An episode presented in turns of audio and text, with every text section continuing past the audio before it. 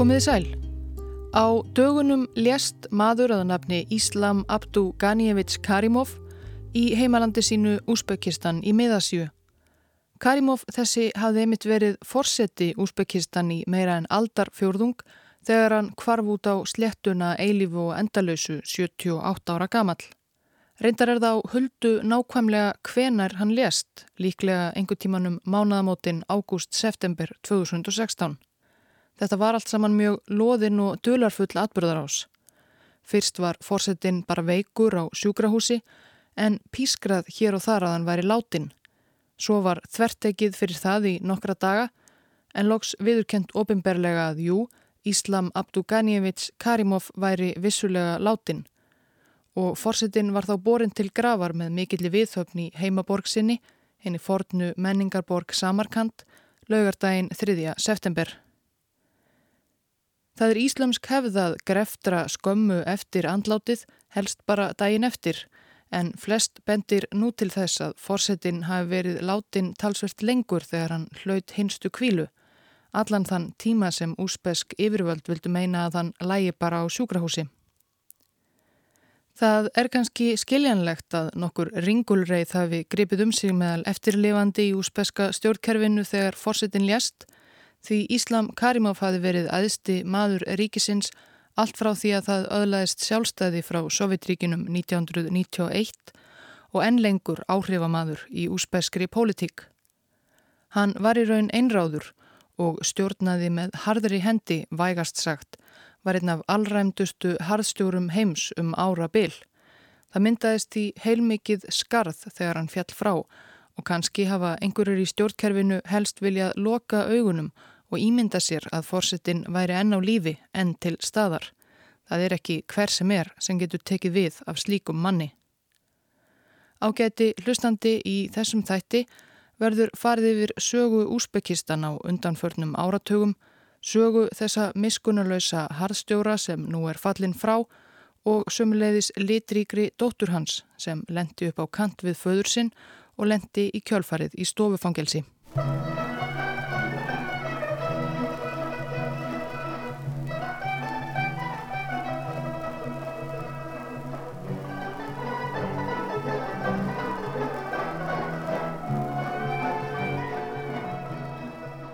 Úsbekistan er annað af aðeins tveimur tví landlugtum löndum í heiminum. Það er að segja að öll lönd sem likja að því eru sömu leiðis landlugt. Hittlandið er Líktenstein. En það er því nokkuð langt í sjóin í Úsbekistan. Þó vissulega likki landið að Aralvatni er það líka óðum að þorna upp vegna ágangsmannsins. Það er semst frekar þurft í Úsbekistan og fyrir utan Ferganadalinn í suðaustur hluta landsins sem er grætn og gróin. En staðsetning Úsbekistans er enguða síður mikilvæg og hefur verið um aldir.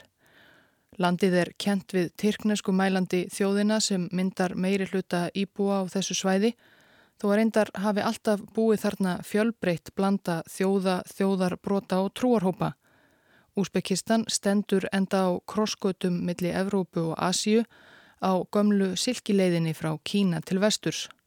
Ótal innrásar herir hafa farið þarum og konungsveldin komið og farið þar á meðal Alexander Mikli, Gengis Khan og Tímúr og í landinu risið magnaðar menningarborgir eins og Samarkand og Búkara. Á 19. öld var röðin komin að rúsneska keisaradæminu sem þá fór að mjaka sér lengra og lengra austur inn í miðasíu og í byrjun þeirra 20. varð Úsbekistan því á samt fleiri ríkjum miðasíu, Kazakstan og Tajikistan og Turkmenistan og Kirgistan, eitt af þeim 15 líðveldum sem saman mynduðu hinn nýju Sovjetríki. Á sovjettímanum þótti búsetta í Úsbekistan svo óákjósanleg, allavega var það mat yfirvalda í Moskvu, að þangað voru gerðnan sendar óstýrilátar þjóðir annar staðar að úr ríkinu í stórfældum nöðungarflutningum.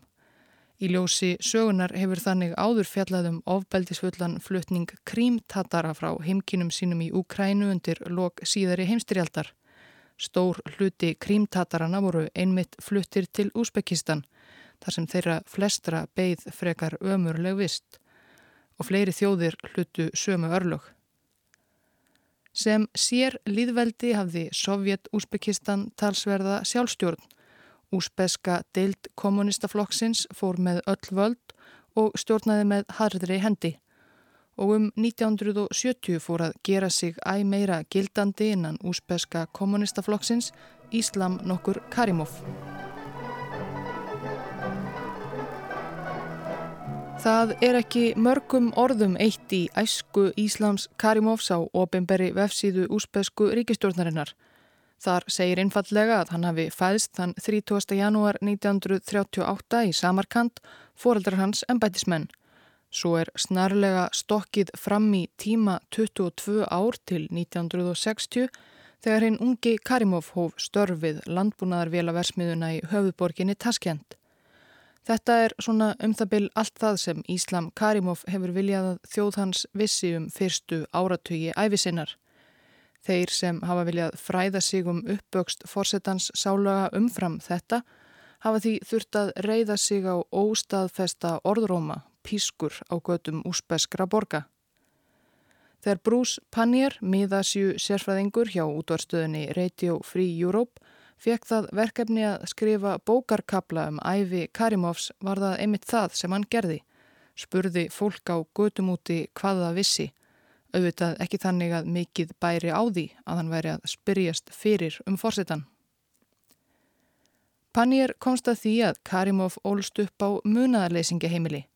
Ekki vegna þess að hann væri munaðarlaus, heldur vegna þess að fadir hans var engin embættismadur, heldur tukthúslimur. Óvist er hvaða glæpan framti en allavega satan inni hluta af æsku sonarins og móðurinn hefur ekki treyst sér til að ala hann upp einn en það var hann að sögn erfitt barn. Fyrstu árin flakkaði Karimov inn og út af munaðarleysingaheimilinu af og til tóku foreldrar hans hann aftur til sín en eftir sjö ára aldur var honum komið þar fyrir til frambúðar og hann bjó á heimilinu allt fram á fullorinsár. Mikið meira tókst Pannier ekki að komast aðum æsku Karimovs, allavega fekk hann ekki áræðanlegar upplýsingar. Sumir sem þekktu til hans á yngri árum sögðu að hann hefði verið afburða nefandi þrátt fyrir þennan erfiða uppvöxt, en aðrir sögðu að hann hefði verið uppstökkur og allræmdur á markaðstorgum samarkandborgar fyrir Vassmelónu þjófnað. En allavega árið 1960 útskrifaðist Karimov 22 ára úr tækniskólanum í Taskent sem vélaverkfræðingur og hófstörf í landbúnaðarvélaversmiðu borgarinnar rétt eins og segir í óbimberu æfisögunni. Eftir nokkur ár þar fór hann að vinna sem verkfræðingur fyrir vassmála ráðunni til landsins og þannig byrjaði hann að mjaka sér smátt og smátt herra og herra í úspeska stjórnkerfinu. Úr vassmála ráðunitinu lág leið hans fljótt annað í þjóðhagsstofnun úspeka þar sem menn meðal annars byggu til hinnar vinsælu fimm ára áætlanir um ofinberan rekstur. Auðvitað var hann á þessu stígi málsins gengin í kommunistaflokkin, annars hefði hann tæplega komist svona langt og alls ekki geta gert sér vonir um frekari frama.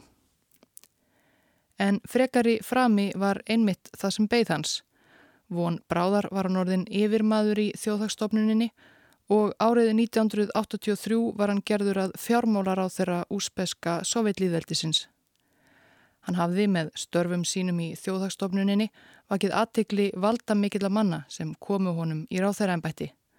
Raunar valdamesta manns í Úsbekistan á þessum tíma, Sjaraf Rasidov, sem sem aðalrittari úsbeska kommunistaflokksins, var æðsti leðtogi liðveldisins. Því ennbætti hafði Rasidov þessi þá gengt í 24 ár frá 1959 og hann var frekar vinsæl meðan úsbesks almennings. Almenningur fekk á tilfinninguna að Rasidov bæri hag þeirra fyrir brjóstíka hvart aðstu stjórnvöldum Sovjetríkjana lengst 3000 km í burtu í Moskvu. En kremlverjar voru ekki alveg jafn ánæðir með kauða. Þeir sökuðu Rasidov um að íkja tölur um bómullar uppskeru en bómullarækt er einn helsti atvinnuvegur úsbeka. Moskva krafðist jú meiri og meiri uppskeru og þegar komið var að þólmörkum var fátan að gera en að byrja að ljúa til um uppskeruna. Rasidov var sömu leiðis sakaður um að nota ríkisfie í óleifi heimafyrir. Þetta voru alvarlegar ásakanir og þann 31. oktober 1983 framdi aðalritari úsbeska kommunistaflokksins Sjaraf Rasidov sjálfsmorð. Reyndar hafa einhverjir leitað því líkum að kannski hafi einhver hjálpað honum áleiðis ef svo máð orði komast, en hver veit.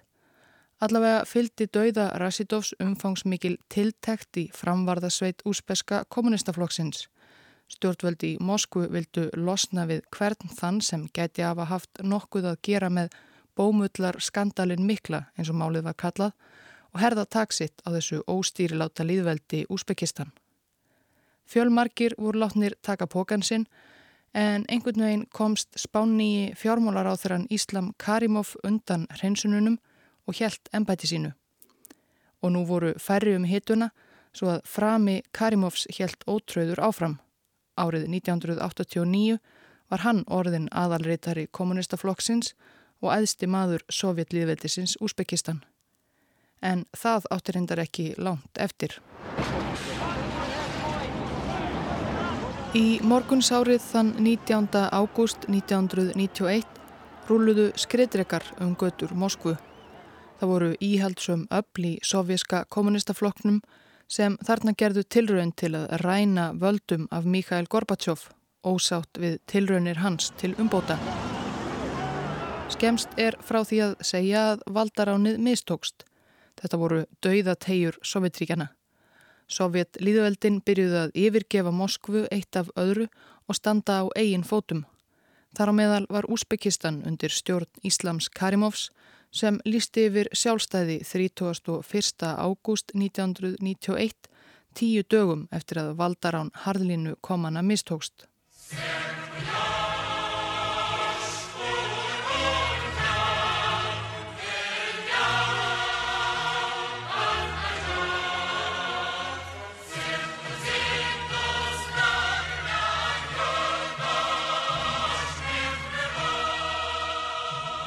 Þegar Úsbekistan varð sjálfstætt ríki átti líka að heita að það erði líðræðisríki.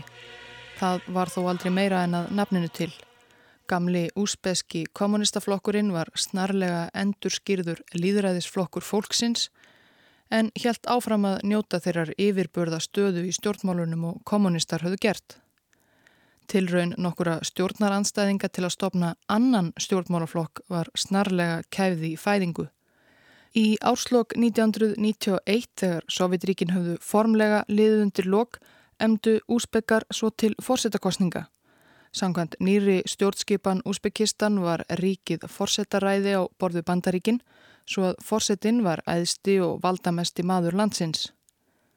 Íslam Karimov bauð sig að sjálfsögðu fram fyrir líðræðisflokk fólksins og hlustendur geta kannski ímynda sér hvernig úrslitt kostningana örðu. Karimov sigraði með örugum meirihluta 86% atkvæða.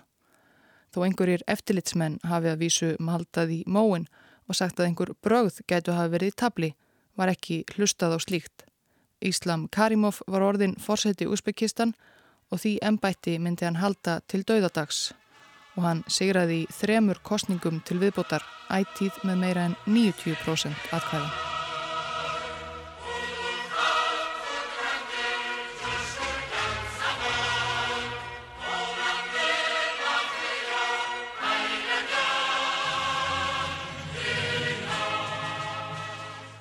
Úsbekistan, Tajikistan, Kirgistan, Kazakstan og Turkmenistan.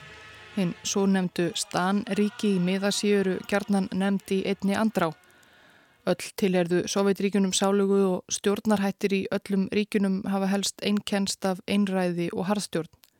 Kanski er það Turkmenistan sem oftast ratar í fréttir fyrir ímis yfirgengileg og fjärstæðukent uppáttæki fyrsta forsetans Saburmat Niyasov eða Turkmenbasi og og eftirmanns hans Gurban Guli Berdi Muhammedov. Íslam Karimov let aldrei reysa af sér neinar gullstittur og ekki endur skýrði hann mánuðina eftir sjálfum sér og fjölskyldu sinni. Því rataði hann kannski sjálfnar í alþjóðafrettir á sinni laungu valdatíð. En það er ekki þar með sagt að hann hafi ekki gert sitt hvað misjamt. Í raun litaðist allur sá aldar fjörðungur sem Karimov var við völdi í Úsbekistan af miskunnarlausu hardræði, svo miklu að ríki hans var stundum líkt við Norður Kóriðu. Karimov erfði frá Sovjetiríkunum sálugu ólýðræðislegt og mannfjandsamlegt stjórn og dómskerfi en let heldur ekki sitt eftir likja þegar hann settist í fórsetastól. Eitt af hans fyrstu verkum var að freysta þess að sannfæra þegna sína um að margvíslegar ógnir stæðjuðu að úsbeska ríkinu og því væri nöðsynlegt að herða enn tökinn. Ekki síst held hann því fram að herskáir íslamskir bókstafstrúar menn byðu eftir tækifæri til að steipa stjórn hans og koma upp óvegnu trúræði á borði það sem finnamátti í Íran. Úsbekar eru tyrknesk þjóðu að meiri hluta múslimar en auðvitað var hverskins trúar yðkun ekki sérlega vel séð á sovitímanum. Sumum fjall það illa en öðrum vel. Fyrir nokkrum árum var hópur Íslendinga á ferði í Úsbekistan og rætti við Úsbeka sem saði að víst hefði vistinn undir kommunismannum verið ansi slæm. En eitt mættu kommunistarnir þó eiga. Þeir börðu úr okkur fjárans trúarbröðin, saði Úsbekinn og það má til sannsvegar færa því svo öfgafulla útgáfa af Íslam sem víða hefur verið til vandræða í nágrannalöndunum hefur ekki látið mikið á sér kræla í Úsbekistan, ekki ennþá að minnstakosti. Þó Karimov hafi notað íslamista gríluna óspart til að réttlæta ímiskonar óhæfuverk árum og áratugum saman. Hæ elsku mamma, ég veit ekki hvort þú færði þetta bref en þú verður að veita sannleikan jafnvel þótt við sjáumst aldrei aftur. Ég skrifa þér til að segja þér að ég er saglus af þessum glæp. Þeir pyntuðu mig og neittu mig til að skrifa undir hjáttningu. Dimitri Tjikunov var 29 ára gammal taskjent búið þann 17. april 1999 þegar hann var handtekinn fyrir morð. Hann held staðfastlega fram saglisi sínu, sagðist ekkert hafa haft með morðið að gera og ekkert um það vita. Bref Tíkunovs til móður sinnar úr gæsluvarðhaldi komst á leiðarenda og er meðal heimilda sem alþjóðlegu mannréttindasamtökin Human Rights Watch notuðu í ítarlegri skýrslu um pyntingar í úsbeskum fangelsum og lörglustöðum og kom út árið 2000. Án þess að ég fengi að koma að einu orði er yfir þeirra af mér bindið og ítti mér upp að vegnum til að berja mig. Þeir eru sjö eða átta og hver þeirra gekk í skrokka mér eftir bestu getu. Þeir börðu mig meira að segja með tómri kókflösku. Þeir voru svo margir að eftir nokkra mínútur misti ég meðutund. Þetta er bara byrjunin. Í laungu brefi til móður sinnar lýsir Tíkunov því hvernig lauruglumennir berja hann sundur og saman, klukkustundum saman, kalla hann öllum ílum nöfnum, klæða hann úr fötunum og niðurlægan. Jafnvel þegar Tíkunov loks brotnar niður og skrifar undir fyrirfram tilbúna hjáttningu að glæpnum, nægir það ekki til að pyntingunum linni. Þeir halda áfram, reyna að klína á hann fleiri afbrótum, hóta því að drepa hann. Þeir heldur mér í 20 daga til viðbótar og yfirherðu mig á hverjum degi. Þeir leðu mig varla að sofa og börðu mig stöðugt með kilvum, spörkuð í mig og meira segja skýrtu á mig. Þeir sögðu mér að nú væri ég þræll þeirra. Mér langaði til að svifta mig lífi en ég gataði ekki. Ég geti alltaf hugsað um allar þær leiðir sem þeir niðurlaði mig og gerðu lítið um mér. Ég byrð þig, elsku mamma, ef þú færði þetta bref, farðu valega. Þessi menn eru vísir til alls. Dimitri Tjikunov var tekin af lífi fyrir meintan glæpsinn í júli árið 2000, réttur um ári eftir að hann var handekinn. En hann er bara eitt af ótal fornarlömpum þess hróttalega laurgluríki sem Íslam Karimov byggði upp á tíunda áratug síðustu aldar. Eitt af því sem úsbekar erðu eftir Sovjetiríkinn sálugu var svo stefna innan lauruglunar að hafa ákveðna kvóta á handtökur fyrir hérna ímsu glæpi. Lauruglumönnum var því mikið í mun að handtaka sem flesta til að fylla upp í kvótana og ná fram hjáttningum með öllum leiðum. Víðtæk spilling sem grasseraði í dómskerfinu gerði það verkum að lauruglumenn gáttu hegða sér hvernig sem er án þess að óttast eftirmál og æðstu valdamenn ríkisins bókstaflega kvöttu til þess að tekið væri hart á glæbamönnum. Sérstaklega þeim sem grunaðir voru um tengsl við herskáa íslamista og bókstafstrúarmenn. Starsmenn Human Rights Watch skrifuðu aðra skýrslu um mannrettindamáli í Úsbekistan tveimur árum síðar, 2002, sem orðið hefur allræmt. Skýrslan sneri að einu versta fangelsi landsins og tveimur föngum sem letu þar lífið í ágúst 2002. Jaslík fangelsið er í gamalli sovjeskri herstöði í norðvestanverðu landinu, svo einangrað að þangað liggur valla vegur. en þangað voru þeir sendir þeir Musafar Avasov og Húsnýttin Alimov báðir dæmdir í áralant fangelsi fyrir að hafa verið liðsmenn alþjóðlegra herskára íslamista samtaka Hisbu Tahir. Í fangelsinu lendu þeir í stöðugum erjum við fangaverði þar sem þeir kröfðust þess að fá að stunda bænir og var þeim reglulega stungið í einangrun vegna þessa eða þá að það var gengið í skrokk á þeim. Loks virðist einu slíku atviki hafa lokið með dauða þeirra begja. Þegar fjölskyldur þeirra fengu lík þeirra í hendur til greftrunar voru þau illa út leikin. Mennirnir voru bláir og marnir á höfði og hálsi með djúpa skurði og á fingurnar á þeim vantaði neglurnar. Og það sem vakti mesta aðtegli, þeir voru þaktir alvarlegum brunasárum frá fótum og upp að bringu. Læknar sem skoðuðu líkmannana sögðu greinilegt að mennirnir hefðu verið þvingaðir ofan í sjóðandi vatn. Þeir höfðu sem sagt verið soðnir lifandi.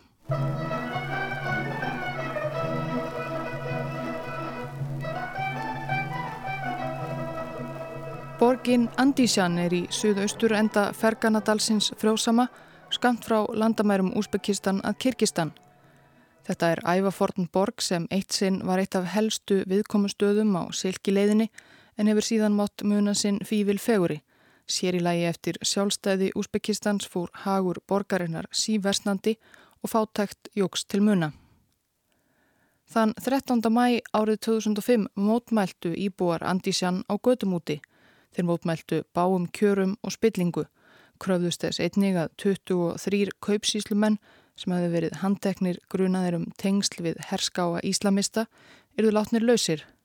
Það var hiti í mótmælendunum sem söpnuðu saman á aðaltorki borgarinnar í þúsundatali síðdeis þennan förstudag. En þar tók úsbeski herin á mótið þeim. Úsbesk stjórnvöld hafa gert sitt ítrasta undan farin áratug til að þakka niður atbyrðina í Andisjanborg í mæ 2005 en úsbeskir andósmenn og mannréttindasamtök gert allt til að halda minningu þeirra á lofti.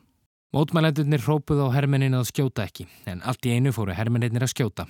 Þeir skutu úr skriðdregum og með sjálfvirkum bissum. Úr skriðdregum kom hljóð eins og bum, bum, bum, bum og svo bissurnar tak, tak, tak. Það var mikil skotrýð. Þegar ég heyrði fyrsta skotið stökki af hjólinu og hendi mér á göduna. Ég heyrði kvína í kúlunum rétt fyrir ofan höfuð á mér. Fjúp! Svo heyrði ég öskur. Þetta voru konur og karlar. Ekki skjóta, ekki skjóta. Við erum ekki vopnið. Meðal mótmælendana var maður á nafni Lutfulo Shamsudinov sem sagði Human Rights Watch sögu sína tæpu ári síðar. Skotriðin var hillileg.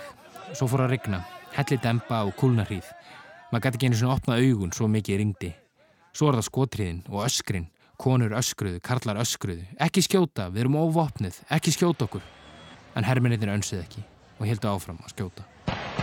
Tölur um fjölda þeirra sem letu lífið í Andísjan þetta síðdegi eru mjög á reiki. Sangat ofinberi frásögn stjórnvalda voru það nákvæmlega 187 sem fjallu og allir voru þeir hriðjuverkamenn. Mannritindasamtök áætla hins vegar á beilinu 300 til 1000 manns hafi týnt lífi og flestir þeirra friðsamir mótmælendur. Morgun eftir klukkan hálf sex fór ég aftur á torkið. Það var blóð allstaðar. Það voru heilaslettur á jörðinni. Svo mikið blóð, heilu potlanir. Og það var kjötlikt af gangstéttinni. Hryllileg kjötlikt. Fólk stóð á götunni og horfi í kringu sig óttasleið. Það horfi í norður, þar sem líkin lágu. Hermenn og svona 5-6 menn í vennilegum fötum gengu á milli líkana. Þessir í venjulegu fötunum voru að stapla þeim upp í trukka og rútur. Ég fyldist með þessu í svona 15 til 20 mínútur. Þetta var sannarlega hryllilegt. Eftir atbyrðina í Andísjan voru mörg hundruð stjórnaranstæðingar fangelsaðir. Fjöldi annara flúði land og hefur aldrei snúið aftur. Vestur lönd reyndu eitthvað að malda í móin kröfðust rannsóknar á ásökunum um fjöldamorð á mótmælendum. En þessar rattir urðu þó aldrei sérstaklega háværar. Líklega þótti Karimov of mikilvægur bandamaður til að styggja hann mikið. Úsbekistan á mörgum austurs og vesturs er enda enn mikilvægt og Karimov reyndi ætíð að notfæra sér það. Yfirleitt reyndi hann að feta einhvern milliveg milli Rúslands og Vesturlanda helt bæði ágætu sambandi við Moskvu en lefði bandarækjumönnum sem leiðis að nota úspeskar herstöðvar í Íraksstríði sínu sem Karimov stutti af miklu móð. Og ekki leið því á laungu eftir fjöldamorðin í Andisjan að Karimov var aftur farin að fá að fara í kurteisis heimsóknir til Brussel og tók fagnandi á móti bandarískum utaríkisáþurum eins og ekkert hefði í skorist.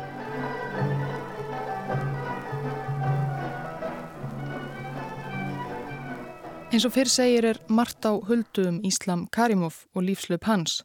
Hann er ekkert sérstaklega mikið fyrir að baða sig í sviðsljósinu eins og stundum er raunin með einræðisherra. En við vitum að þann 8. júli 1972 fættist Íslam Karimov og eiginkonu hans Tatjönu Dóttir sem fekk nafnið Gúlnara. Hún var fyrsta barn þeirra hjóna. Íslam átti fyrir svonur fyrra hjónabandi sem hefur aldrei sést ofinberlega, býr líklega í Rúslandi með móður sinni.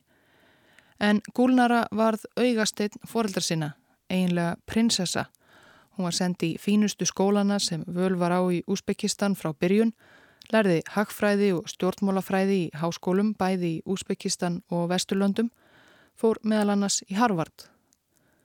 Og meðfram náminu fór hún fljóttað sinna ábyrðarstöðum fyrir Úsbeska ríkið, stjórn föðursins. Hún var fastafulltrúi Úsbekistan hjá saminuðu þjóðunum, sendi herra á Spáni og loks aðstóðar utarikis á þeirra Hún varð svo fyrirferðamikil í stjórnkerfinu og þjóðlífi að margir stjórnmálaskýrendur sannfærðust um að Karl fadir hennar væri að búa hana undir það hlutverk að taka við af honum eftir hans dag. Hún var enda eiginlega prinsessa. En viðskiptin voru þó alltaf hennar aðal sísla. Hún byggði með tímanum upp mikið viðskiptaveldi sem tegði ánga sína en er alla geira úsbesks viðskiptalífs. Businessin blómstraði og hún var fljótt einn ríkasta kona landsins, vitaskuld með diggri hjálp föður síns og hans manna og þeirrar gengdarlausu spillingar sem pappi gamli létt líðast í ríki sínu.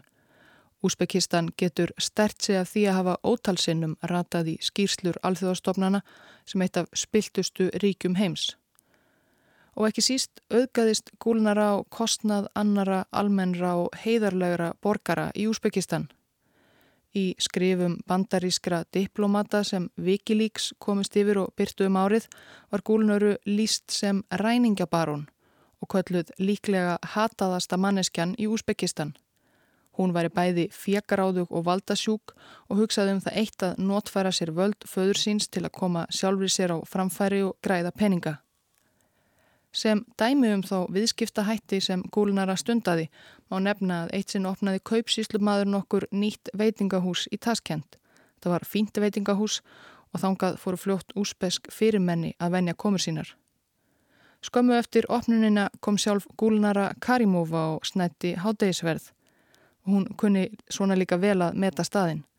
Í einhverju öðru landi geti það hafi verið fagnaðar efni fyrir veitingamannin að valda mikil dóttir forsetans væri ánægð með staðinn, en ekki í Úsbyggistan. Síðar þennan sama dag byrtust þrýr sterk byggðir menn í leðurjökkum á veitingahúsinu og tilkynntu eigandanum að nú ætti hann ekki þennan stað lengur. Gúlnara Karimova hefði tekið hann yfir. Veitingamadurinn gæt lítið annað en beitt sig undir það og endanum flúði hann land, allslaus. En Gúlnara reyndi nú líka að höfða til almúans, ekki bara að stela af þeim.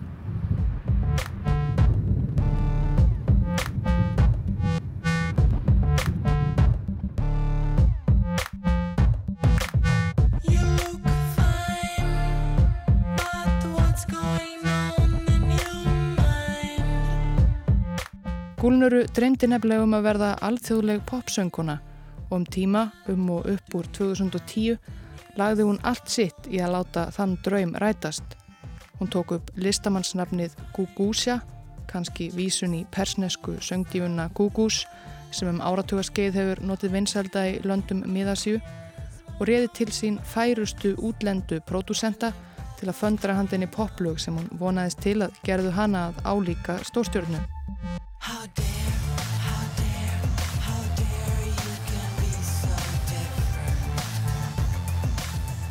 Laugin hennar voru vissulega spiluð í útvarpi og sjónvarpi í heimalandinu, kannski ekki um mikið annað að velja, en fræð Erlendis let eitthvað á sér standa. Jáfnveld þótt hún gengi svo langt að kaupa fókdýrar auglýsingar í bandaríkunum, meðal annars eina í tónlistartímaritinu Billboard sem hún reyndi svo að nota sem sönnun heimafyrir að hún væri nú þegar orðin vinsæl í bandarískum popheimum komin á síður Billboard hvorki meirann í minna. Og Gúlnuru tókst ekki heldur að vekja heims aðtegli á sér með öðru áhuga máli sínu fatahönnun. En gerði hún samt sitt besta. Henni tókst einhvern veginn að koma sér og fötunum sínum að á sjálfur tískuvikunni í New York 2011 en skipuleggjendur tískuvíkunar aflýstu síningu hennar svo á síðustu stundu eftir að mannréttindasamtök vöktu aðtikli á því að barnaþrælkun týðkast í bómullaræktarbransanum í Úsbyggistan. Þarna var byrjað að fjara undan gullnöru og veldi hennar. Uppdrag granskning i kväll om Telia Soneras hemliga samarbete med säkerhetstjänsterna i några av världens värsta diktaturer. Frettaskýringa þáttur sænska ríkisjóansins uppdra granskning er flestum Íslandingum kunnur vegna Panama-skjálana og vintrismálsins. Árið 2012 fjallaði þátturinn um annan skandal. Hvernig sænska fjarskiptafyrirtækið Telia Sonera hafði um árabil stundað viðskipti í ríkjum fyrrum Sovjetríkjana, einræðisríkjum þar sem mannréttindi eru fótum tróðin, löndum eins og Azerbaijan, Kvítarúslandi og jú, Úsbekistan og ekki nóg með það höfðu forsvarsmenn Telia Sonera oft beitt ansi vafasumum aðferðum til að koma sér inn á fjarskiptamarkaðin í þessum löndum, það er að segja mútum.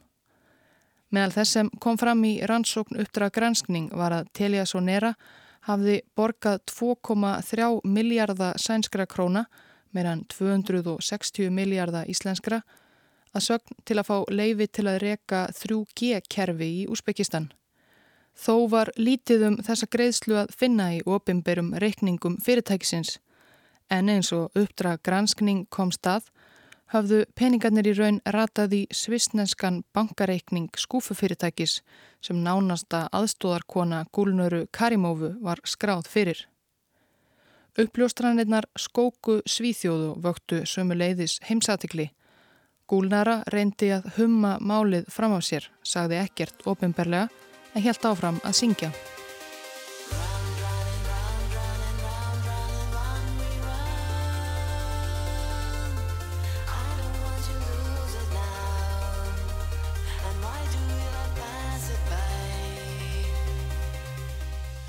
Nokkru síðar var einnig sagt frá því fréttum að yfirvöld í Sviss hefðu tekið viðskipti gúlnöru þar í landi til rannsóknar. Hún var í grunuð um peningaþvætti. Húsleit var meðan annars gerði luxusvillu hennar fyrir utan genf. Og nú verðist pappi gamli hafa fengið nóg af veseninu í dóttur sinni. Ekki leið á laungu þar til úspesk yfirvöld voru líka farin að rína í bækur gúlnöru. Tilkynnt var að hún væri grunuðum umfangsmikil skattsveik og spillingu og viðskiptaveldi mikla hrundi eins og spilaborg. Skartgripa og tískuverslunum hennar var lokað, slögt á sjónvars og útvarstöðunum. Laugin hennar heyrðust ekki lengur á öldum úsbesks ljósvaka og svo kvarf gúlnara sjálf. Nei, hún kvarf reyndar ekki alveg. Hún hætti vissulega að sjást ofinberlega, kvarki á ofinberum samkundumni á tískusýningum en hún hjælt áfram að vera virk á Twitter eins og hún hafði lengi verið. Samfélagsmiðlinn hafði hún aðalega notað hinga til á hefbundin hátt til að vekja aðtikli á sjálfri sér og sínum gæluverkefnum byrt nýjustu tónlistarmyndböndin sín og síðkjóla og svo myndir af sjálfur sér í ýmsum jókastellingum. En nú hafði þessi kaupsíslu kona sendiherra hönnuður og popstjarna tekið sér enn eitt hlutverkið. Hún var orðin mannréttinda framöður og stjórnaranstæðingur.